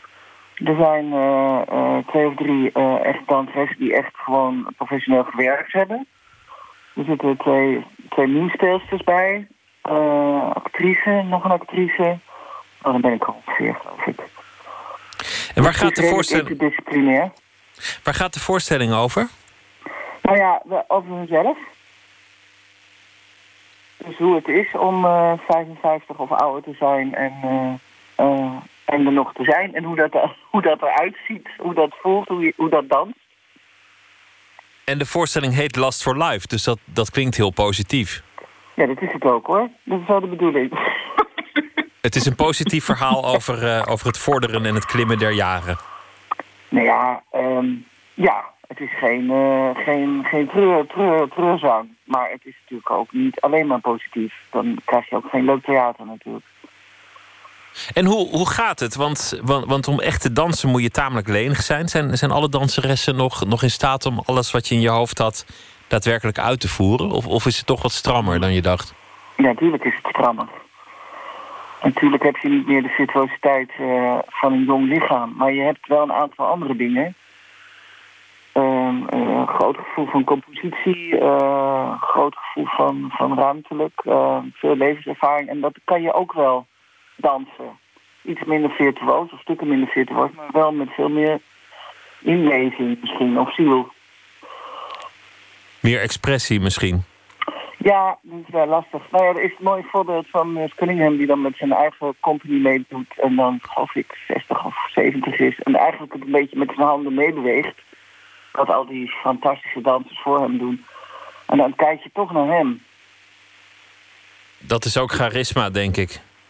Ja, maar het is ook wel... Uh, ja, zeker. Maar het is ook wel iets heel graag willen. En focus. En precies weten waarom je daar bent. En wat je daar op dat moment wil doen. Hoop je ook iets te bewijzen met de voorstelling? Ja, Weet je, alles is best wel heel dubbel.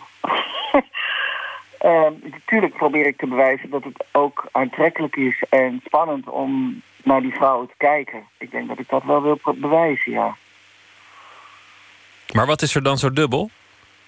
Nou, omdat dat natuurlijk ook... Um, onze wereld waarin wij leven is jong natuurlijk wel de standaard.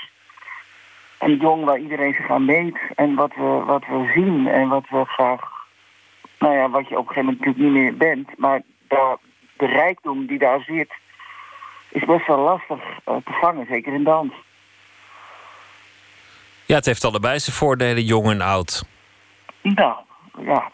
Lijkt me. Nou, dat weet ik niet. Hoe oud ben jij? 43, dus een beetje op de grens van beide, denk ik. Ja, nou, hartstikke jong. Oh, nou, dankjewel. Alsjeblieft. Hangt er vanaf van welke kant je kijkt. De, Ja. de, de voorstelling is eh, vanaf heden te zien. Last for Life met eh, danseressen boven 55. Wies, dankjewel. Goeienacht en heel veel succes met de voorstelling. Heel erg bedankt.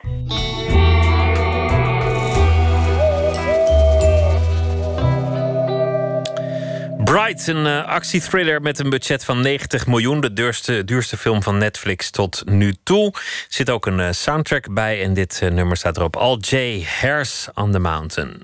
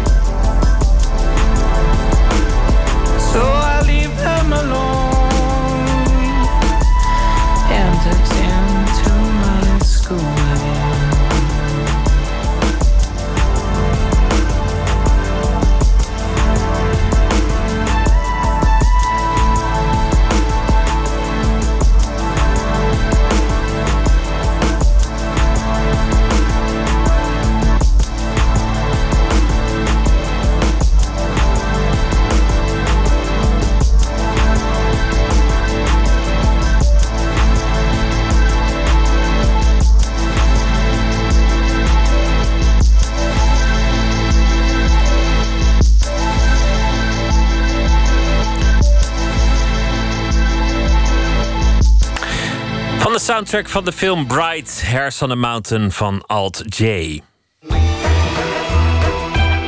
Nooit meer slapen.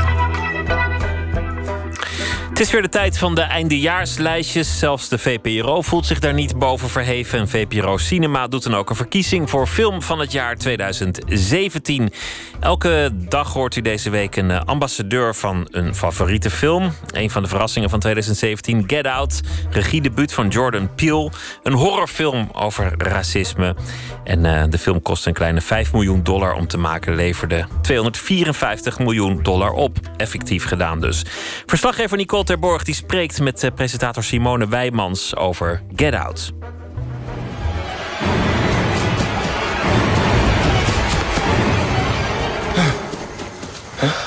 Ik haat horrorfilms. Ik vind uh, het feit dat je ergens naartoe gaat om anderhalf tot twee uur doodsbang te gaan zitten zijn, vind ik echt bizar. Ik snap ook totaal niet waarom mensen dat doen. Toch maakt Simone Wijmans voor de film Get Out een uitzondering.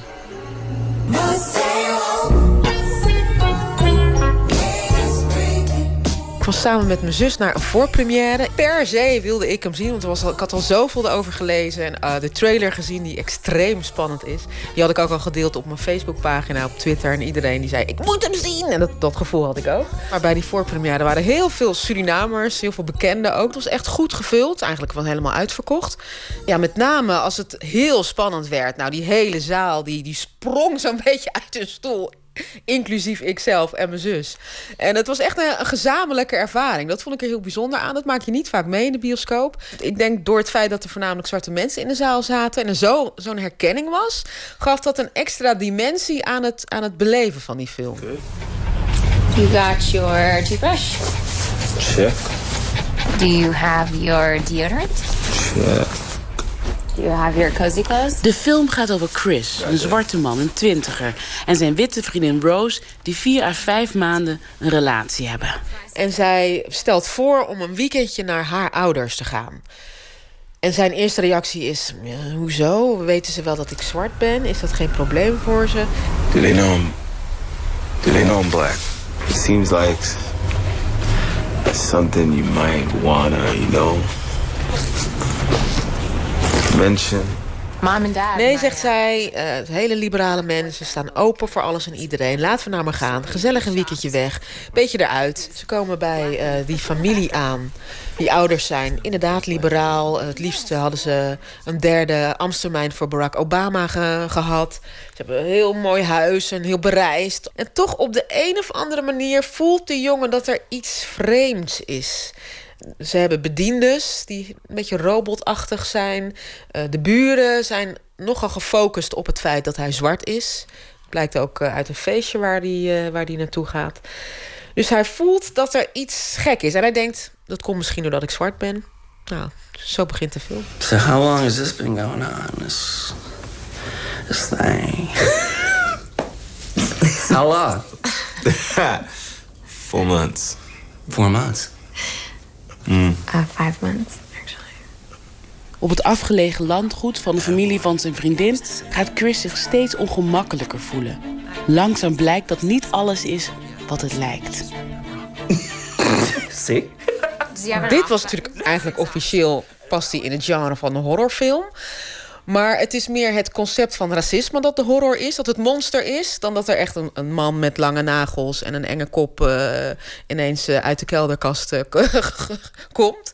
Dat, dat vond ik er heel erg bijzonder aan. Dat het niet letterlijk een horrorfilm is. Natuurlijk is het soms bloederig en schrik je je op bepaalde momenten dood. Wordt het heel mooi opgebouwd. Maar het is geen klassieke horrorfilm in het Freddy Krueger genre. En dat vond ik er heel sterk aan. You're dating my sister, right? He's dating my sister. You had your chance. I can't get to know the guy.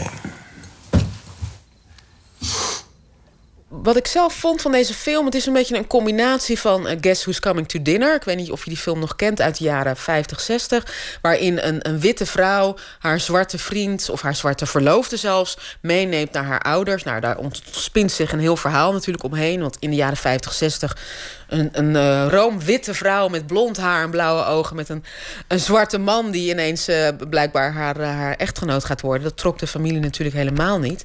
En tegelijkertijd deed het me ook denken aan The Stepford Wives... een film over ja, maatschappijkritiek. Daar ging het over feminisme. Hier gaat het over racisme. En racisme als ja, het monster of ja, het belangrijkste plot draait om racisme. En, en dat vond ik heel erg sterk aan deze film. Oh, hello. I'm Philomena, and uh, and you are Chris, Rose's boyfriend. fantastic. You two make a lovely couple.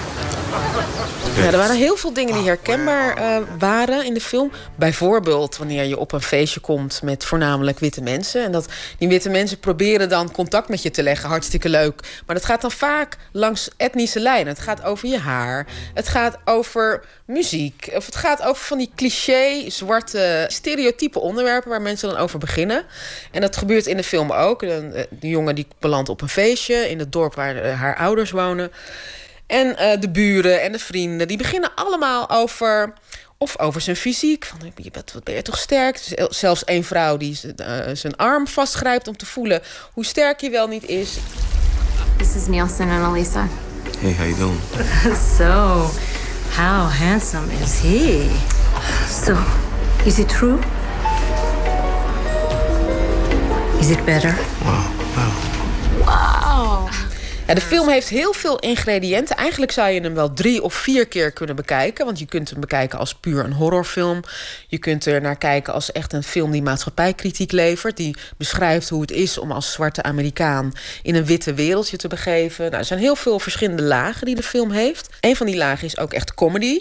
De beste vriend van de hoofdpersoon is een douanier. Een gezette, grote black guy met een petje op en zo'n zo'n apenpakje aan. Zo'n zo heel foute douanieurpakje aan. En die waarschuwt ook constant zijn beste vriend: ga er niet naartoe, doe het niet. Wat moet je met die witte mensen? En dat, dat leidde ook in de zaal tot heel veel hilariteit. Want iedereen zag: dit gaat mis. Die vriend waarschuwde hem continu. Like what? Like don't go to a white girl parents' house. Het gaat heel sterk over hoe wit en zwart met elkaar samenleven.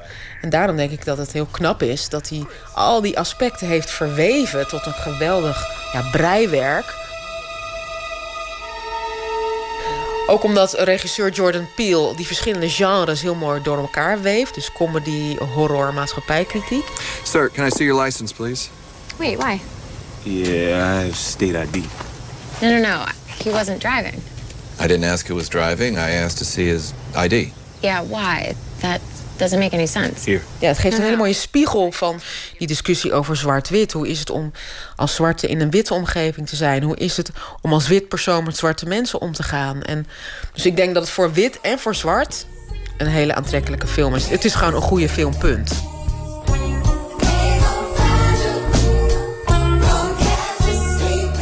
Toen ik eh, uit de bioscoop kwam samen met mijn zus, had ik wel echt een euforisch gevoel. Want je maakt het niet vaak mee. Een zwarte regisseur, zwarte hoofdrolspelers, zwarte helden, racisme als horror. Ik bedoel, er zaten zoveel elementen in die, die je eigenlijk als kijker niet vaak meemaakt. Ik bedoel, hoe vaak zie je nou zo'n soort film? Dus dat, dat, ik was er trots op dat, dat, dat deze film gemaakt is. Echt, we hebben nog volgens mij twee uur lang na zitten kletsen. Het was ook in, de, in, de, in het café bij de, bij de bioscoop was het heel erg druk. Je zag mensen allemaal wild gebaren. En iedereen was, uh, ja, iedereen was wel een beetje door dolle heen. Dat gevoel had ik wel. En ontzettend enthousiast over deze film. Ga gewoon kijken. Het is gewoon een geniale film.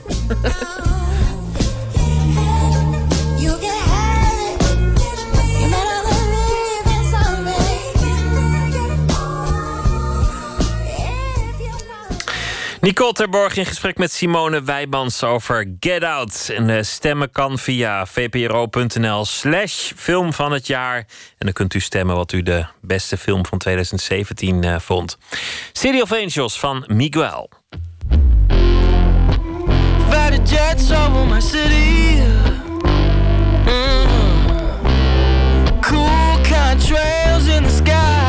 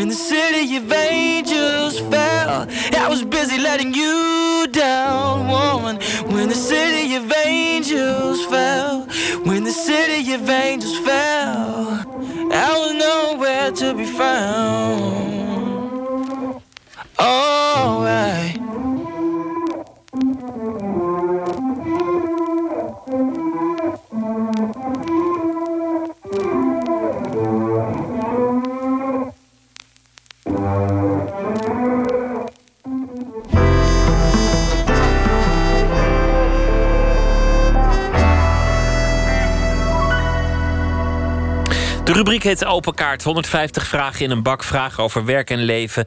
Te gast is Simona Tagana Bekono. Zij eh, studeerde af aan de Artes Hogeschool met een eh, bundel. Dat is eh, hoe de eerste vonken zichtbaar waren. En die is opnieuw uitgegeven. Dit keer door Lebowski uitgeverij. Ze heeft veel opgetreden op het Wintertuinfestival. De Nacht van de Poëzie. Read My World en andere plekken. Het is een bundel die gaat over het thema identiteit. Hoe, het, uh, hoe het is om te leven in een lichaam. En wat bepaalt eigenlijk wie je bent. En bij wie vind je eigenlijk aansluiting. Welkom uh, Simone. Dankjewel. Het begint bij, bij de geboorte meteen. Ja. Deze, deze bundel. Klopt. Ja, um, ik vond het wel een mooie opening. Bij... Je moet ergens beginnen, waarom niet daar? Ja, inderdaad. Um, het was niet het eerste wat ik had geschreven. Maar ik weet nog dat ik er op een gegeven moment op kwam. En toen dacht ik, dit moet de opening zijn als een soort het leren kennen van of zo, het lichaam. Uh, want het begint met een soort silhouet, dat beeld. En dat vond ik wel interessant om uh, te gebruiken eigenlijk. Het lichaam is een soort silhouet dat is ge, ge, geprojecteerd. Ja. Een soort schaduw. En daarmee is natuurlijk nog niet alles gezegd over dat die identiteit samenvalt met dat, met dat lichaam. Ja, klopt ja. Um, ik denk dat het ook wel een typisch beeld is, omdat het een silhouet niet duidelijk is het, wordt steeds helderder wat dat lichaam inhoudt en wat de complexiteiten ervan zijn. En dat, uh, ja, dat leek me wel mooi om daardoor steeds dieper daarin te duiken of zo. Ja, in, in, in ieder deel van, van de bundel heb je, heb je een andere poëtische vorm, waardoor, waardoor het bijna is als een opera met een wisseling van decor, een, een nieuwe akte. En, en aan de hand van die actes ga je op een heel subtiele manier langs dat thema identiteit. Is, is dat voor jou zelf eigenlijk een, een, een thema dat zich opdrong? Was jij heel erg bezig met identiteit, met, met wie je bent en waar je thuis hoort en in welke samenleving je leeft? Um, ik denk dat ik eigenlijk in de eerste plaats daar juist helemaal niet mee bezig was als ik schreef. Maar het drong zich inderdaad wel aan me op in de zin van dat het werk er ineens moest zijn. En toen ging het dus ineens heel erg over mijn identiteit. Dus ook over um, wat het voor mij betekent om een vrouw te zijn, om zwart te zijn in Nederland. En dat waren eigenlijk dingen waar ik helemaal niet over wilde schrijven of überhaupt over schreef, maar wel persoonlijk ideeën over had. Dus toen dit kwam, merkte ik pas ineens wat er allemaal onderhuids borrelde en zo. Wat er bij jezelf toch aan de hand was. Ja, dat, zeker. dat je jezelf niet wilde tonen. Ja, precies. Ja, ja absoluut. In een van de, uh, van de stukken schrijf je dat iemand je uitscheldt vanuit zijn Peugeot... terwijl jij gezellig voor een café staat. Ja. Die draait zijn raampje open. Ik wist niet dat dit soort dingen gebeurden, maar noem me naïef. Maar die draait zijn raampje open, steekt zijn hoofd uit het raam... en roept, hey neger. Ja. En jij staat het jezelf eigenlijk niet toe om boos te worden. Nee, ja, omdat ja, je wil daar dan eigenlijk boven staan... en doen alsof het niet gebeurt, omdat het eigenlijk te pijnlijk is. Maar ja, dus, maar het is wel gebeurd. Maar je, ja, door er boos om te zijn dat zijn dan weer de negatieve uh, emoties die dat in jou oproept. Maar dat wil je eigenlijk dus niet toestaan, omdat je dus. Omdat je een leuke avond hebt die je niet wil verpesten. Ja, precies. Maar die avond is misschien al een beetje verpest. Ja, zeker. Ja. ja. of, of niet helemaal. Maar het, het, het, is natuurlijk heel raar dat jij de tevalpan moet zijn waar alles vanaf glijdt. Ja. ja, dat is ook wel een beetje een soort beeld dat. Ik denk wel een moeilijke rol die je, die je soms moet spelen als je. Um, ja, van een niet-westerse achtergrond komt, dat je um, toch wel vaak de bigger person moet zijn. Maar dat is wel een soort moeilijke psychologie. Dus denk ik psychologisch niet altijd even gezond. Waarom moet jij altijd de grote zijn en waarom kan de man in de Peugeot zich niet een keer gedragen? Ja, precies. Ja. Een, een ander iets dat je schreef is, is dat je een. Je haalt een Amerikaanse schrijver aan. die zegt: Na 11 september 2001 had ik moeite om woede te voelen. omdat het land werd aangevallen en ik me eigenlijk geen deel meer van het land voelde. Ja. Wat natuurlijk een, een, een heel heftig inzicht Ja, is. absoluut, ja. Gezien de heftigheid van de gebeurtenis zou je menselijkerwijs wel verontwaardiging willen voelen. Wat, wat, wat deed dat, die opmerking met jou? Ehm, ik denk dat in de eerste plaats toen ik hem las, dacht ik... Nou, dat vind ik heel raar, want je bent Amerikaan. Het En anders ben je nog in ieder geval mens die, die ziet dat andere mensen lijden. Ja, absoluut. Maar ik denk dat hij had het vooral over. Het, het was Tanisi Coates. En die heeft heel erg geschreven over de zwarte identiteit in Amerika. En die zei eigenlijk.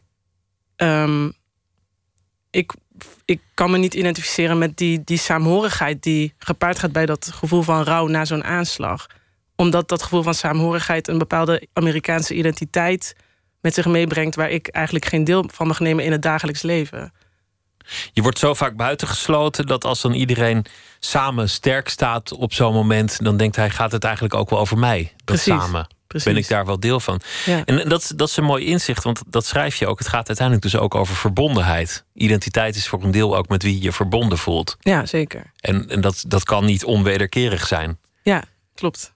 En, en zo, zo gaat het door in deze bundel. Dit zijn nog twee hele duidelijke momenten die ik eruit haal. Maar de meeste, meeste momenten die zijn eigenlijk veel subtieler. Veel, Ja. veel eleganter, veel... eh, ja, misschien ook wel zachter.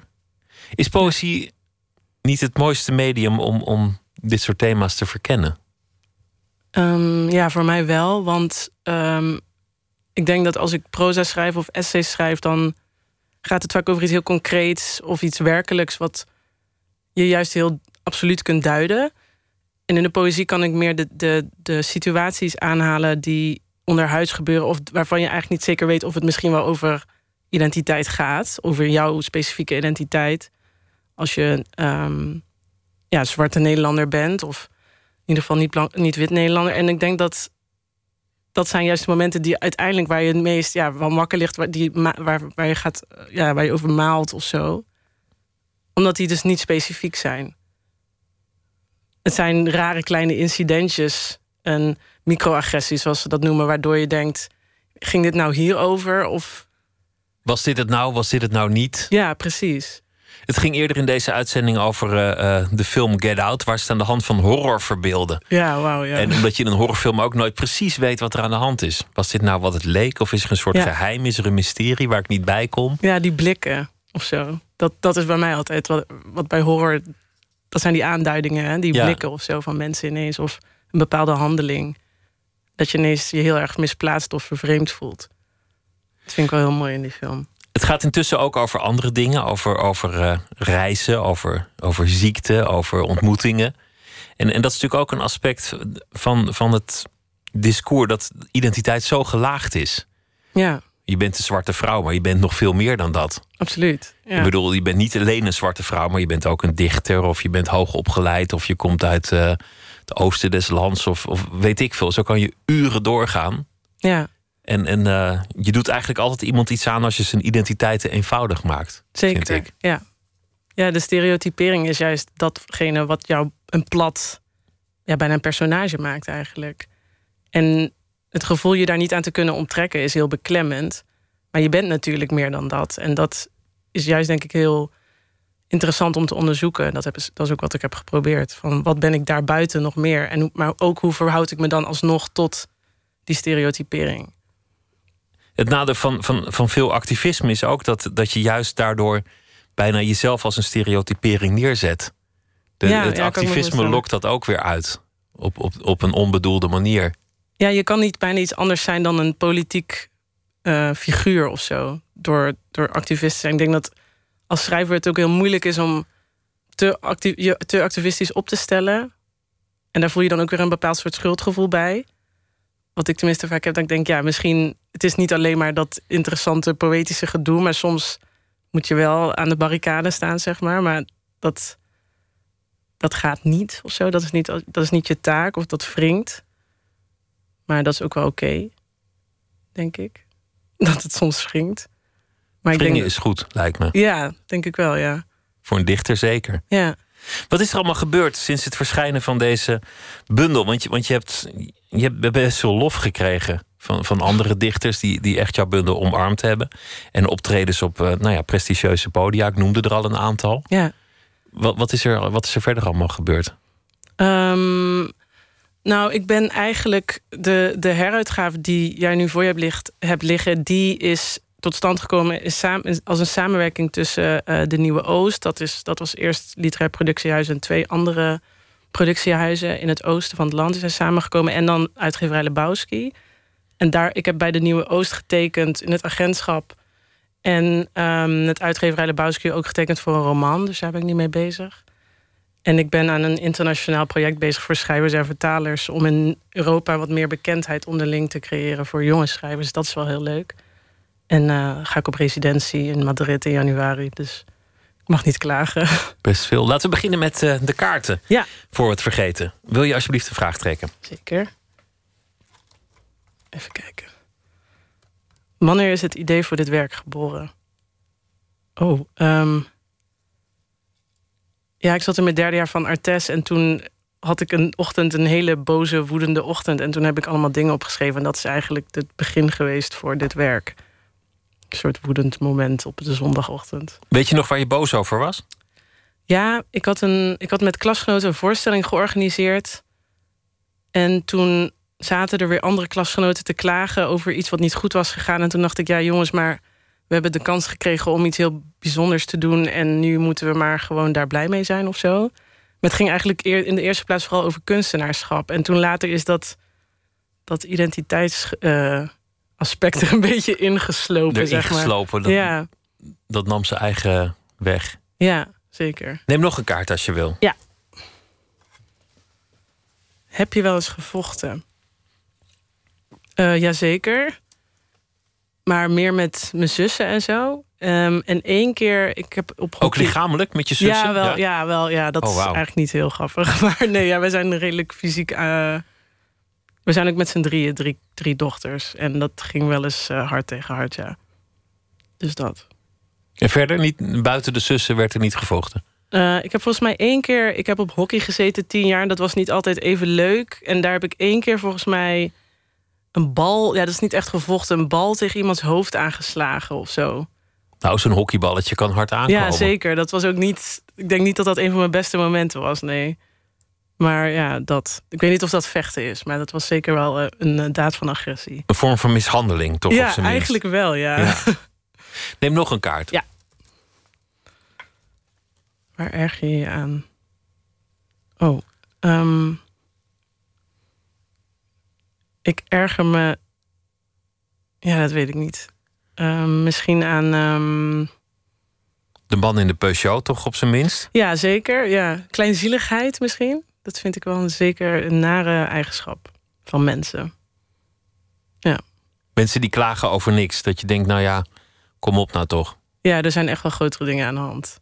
En meestal is dat ook wel een, een, een, een um, iets dat gepaard gaat met een gebrek aan zelfreflectie. Waar ik een beetje een hekel aan heb. Dat, daar heb ik misschien wel het ergste een hekel aan. Ja. Maar kleinzieligheid, daar doet iedereen af en toe wel aan, volgens Zeker, mij. ja. Ik heb mezelf er ook wel eens op betrapt. Oh, ik mezelf ook hoor. Ja. Ik kan mezelf heel zielig vinden ook. Dus. Laten we nog een vraag doen. Ja. Wat is mijn sterkste eigenschap? Uh, ik denk dat ik redelijk gedisciplineerd ben. Als ik iets echt wil. En dat blijkt ook wel uit je bundel. Ja. ik hoop het, ja. Ja, ja, ja oké. Okay. Dat, dat, is, uh, dat lees je eraan af dat dit met veel, uh, veel inspanning is gemaakt. Mooi. We gaan nog één vraag doen. Oké, okay. de laatste. Wanneer ben je wanhopig in het maakproces? Oh, um... ja, dat is eigenlijk wel zo'n drie keer per maand of zo. Dat ik ineens denk, Jezus, dit gaat helemaal niet gebeuren. Dat, en um, ik ben eigenlijk het meest zeker als ik, het, als ik al richting het einde ga. Als ik een beetje weet wat ik heb en dat ik daar alleen nog maar iets over hoef te maken. Maar in het begin ben ik heel erg onzeker altijd. En ook wel vaak inderdaad de wanhoop nabij. Als het nog echt moet beginnen, als er nog niks staat. Ja, nou als er nog niks staat, ben ik, denk ik dat het allemaal wel goed komt. Als ik eenmaal begonnen ben, dan zie ik de mogelijkheden zich steeds verkleinen. En dan, dan gaat het vaak helemaal mis, ja, even. Bijna als een vraagstuk dat je moet oplossen. Ja, nou ja, en ik kan het dus verkeerd oplossen. Of tenminste denken dat ik het oplos en het dan dus niet goed doen. En dat, dat is niet fijn om weten, te weten dat dat kan of zo. De bundel is uh, hoe de eerste vonken zichtbaar waren. Simona Tagana bij Kono, dank je wel. Ja, dank je wel.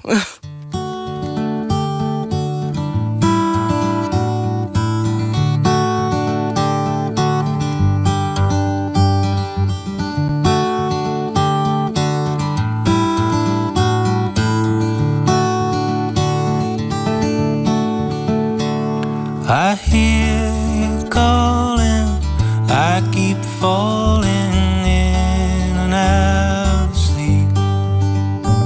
Our love's unspoken, we don't need to speak. I'm feeling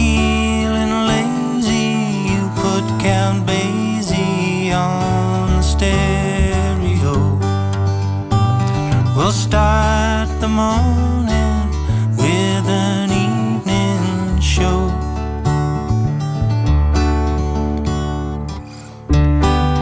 Lift my head and fly away.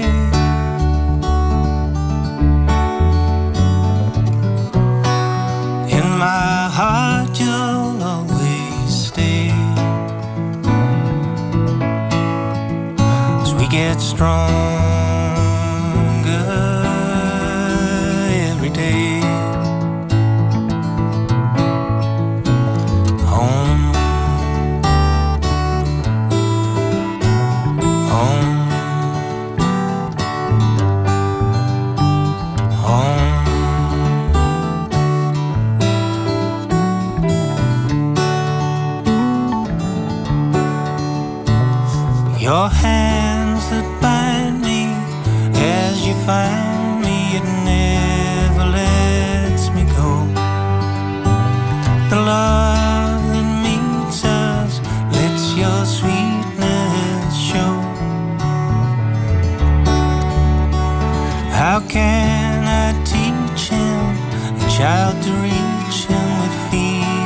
star.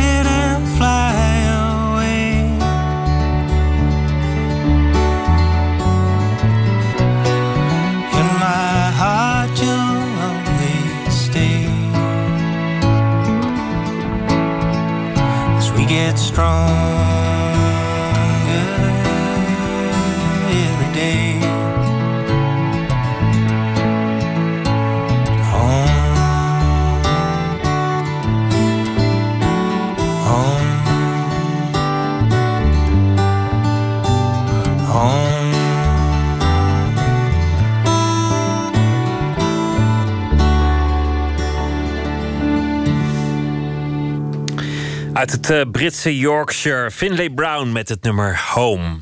Eén minuut gemaakt door Jennifer Patterson. Deze heet Hutjes bouwen. Pst, één minuut. Vroeger, als mijn moeder veel ging drinken, lag ze echt dagen op bed omdat ze gewoon te dronken was om eruit te komen. Nou ja, toen waren mijn zusjes en ik natuurlijk helemaal alleen. Dus dan gingen we heel vaak hutjes bouwen. Ook als een soort bescherming, zeg maar. Allerleukste was natuurlijk eh, in de woonkamer, want dan konden we de grootste hutjes bouwen. Dus dan gingen we echt alle meubels erbij betrekken, banken en tafels. En eh, ik weet nog een keer hadden we echt een hele grote gebouwd met, eh, met drie kamers en een lange tunnel en, en een glijbaan. Maar ja, weet je, na een paar dagen dan vind ik ook echt niet leuk meer. Dan heb je weer geen eten in huis. En uh, het is zo raar, iemand ligt daar gewoon de hele tijd bewusteloos in bed. Af en toe kwam ze er wel uit. Dus ja, dan word je alleen maar dat het weer overging, dat het weer normaal werd.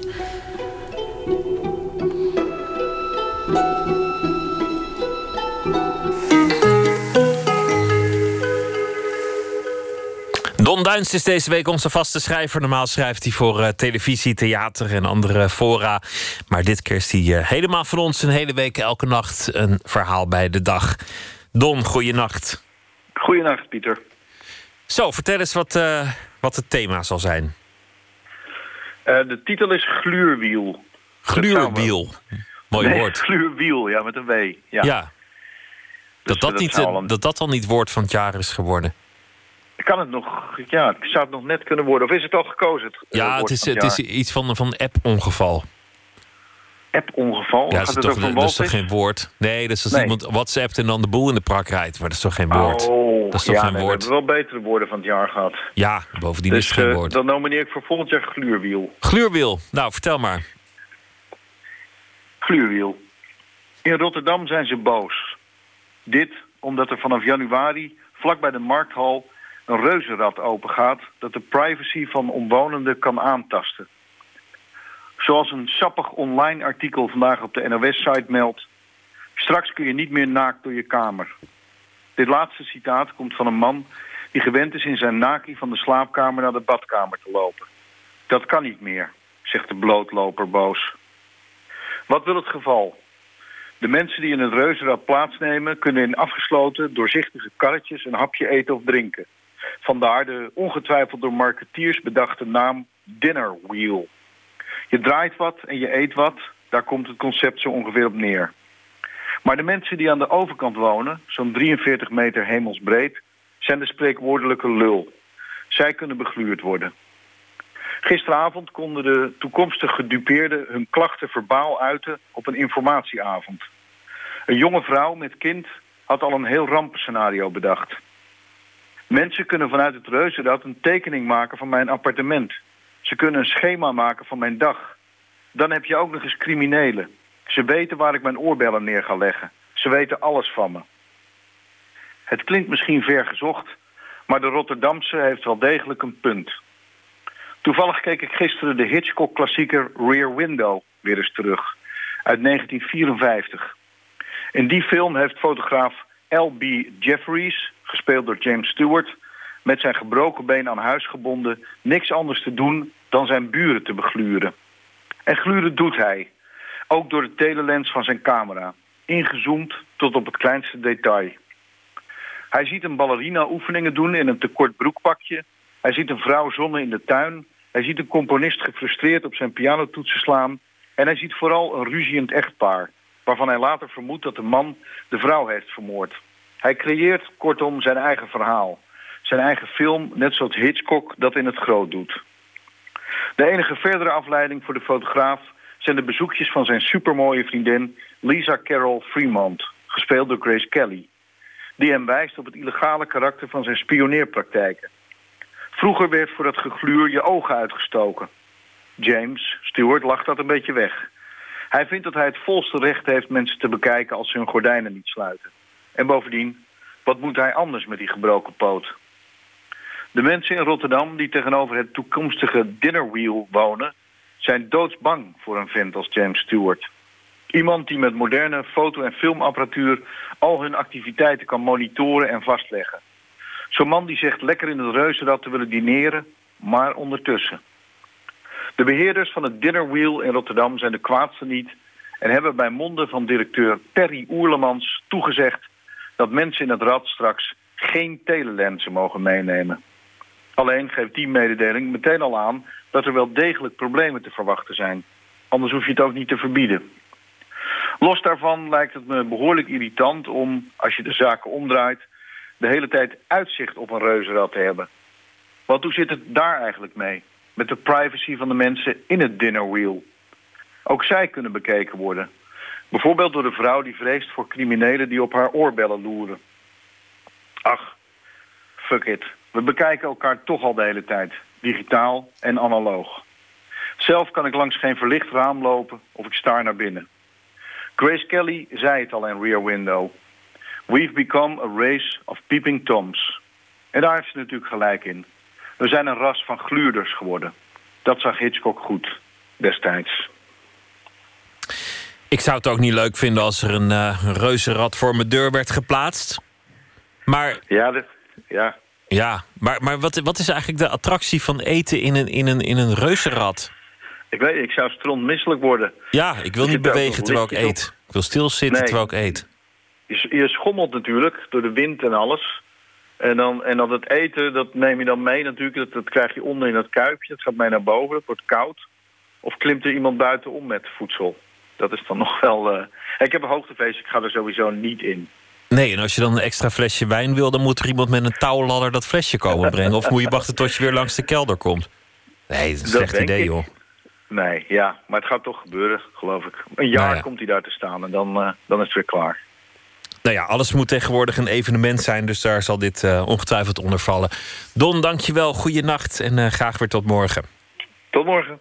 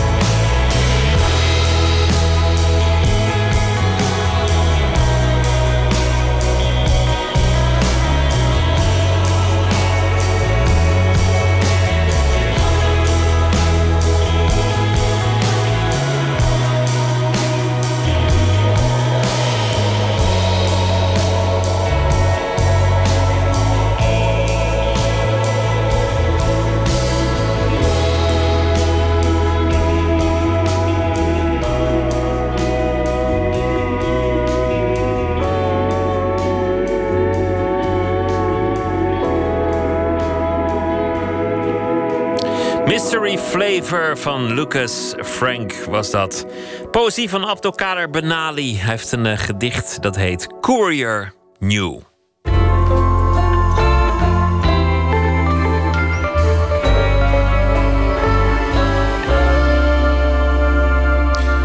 Courier New. Als ik je moet vergelijken met een lettertype, dan ben je de schrijfmachineletter Courier New. De geur van nieuws die om je heen hangt. Wanneer je lacht, telex voor gevorderden. In dialogen ben je ook goed, die niet lang hoeven te duren om lang te blijven hangen.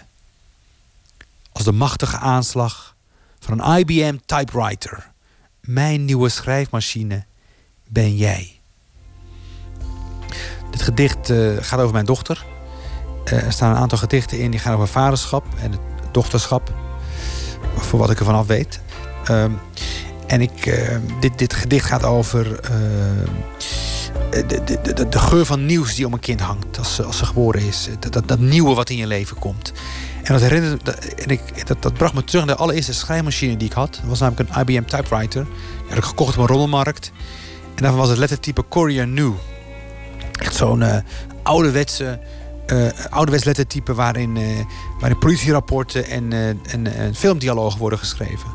Dus die geur van, van inkt en de aanslag en dat, dat, nou, dat gevoel, die, die opwinding had ik ook bij de geboorte van mijn dochter. En vandaar dit gedicht. Courier New. Als ik je moet vergelijken met een lettertype, dan ben je de schrijfmachineletter Courier New. De geur van nieuws die om je heen hangt. Wanneer je lacht, telex voor gevorderde. In dialogen ben je ook goed. Die niet lang hoeven te duren om lang te blijven hangen als de machtige aanslag van een IBM typewriter. Mijn nieuwe schrijfmachine ben jij.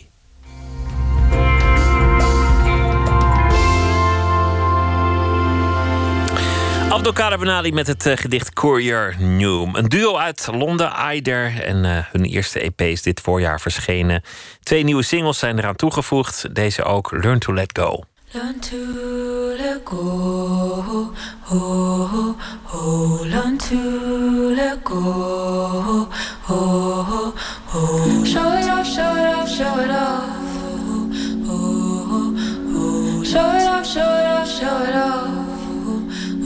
in my yellow dress, show it off, show it off, show it off,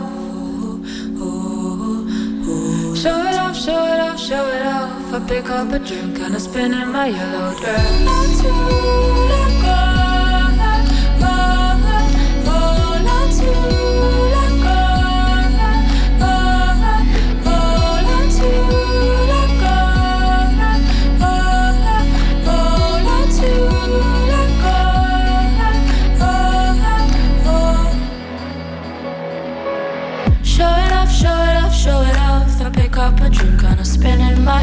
dress. Give it up, give it up, give it up. Give it up, give it up, give it up. So you got it together, but I'd rather be in my own mess. I'm enough, I'm enough,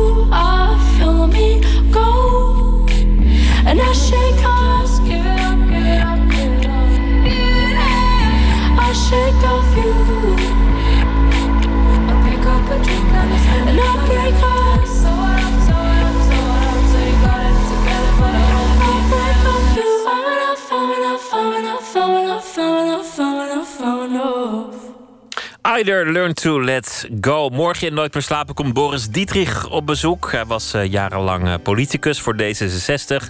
Hij werkt eh, voor Human Rights Watch in New York en Berlijn uh, onder andere. En hij is ook uh, thrillerschrijver en heeft een nieuw boek geschreven aan de vooravond van de uitspraak in de zaak tegen de agenten in de zaak van uh, Mitch Hendrikes. Heeft hij een boek geschreven, Halszaak. Dat is geïnspireerd op die zaak over de nekklem, zal het onder meer gaan. Dat allemaal morgen in Nooit meer slapen. En voor nu wens ik u een hele goede nacht.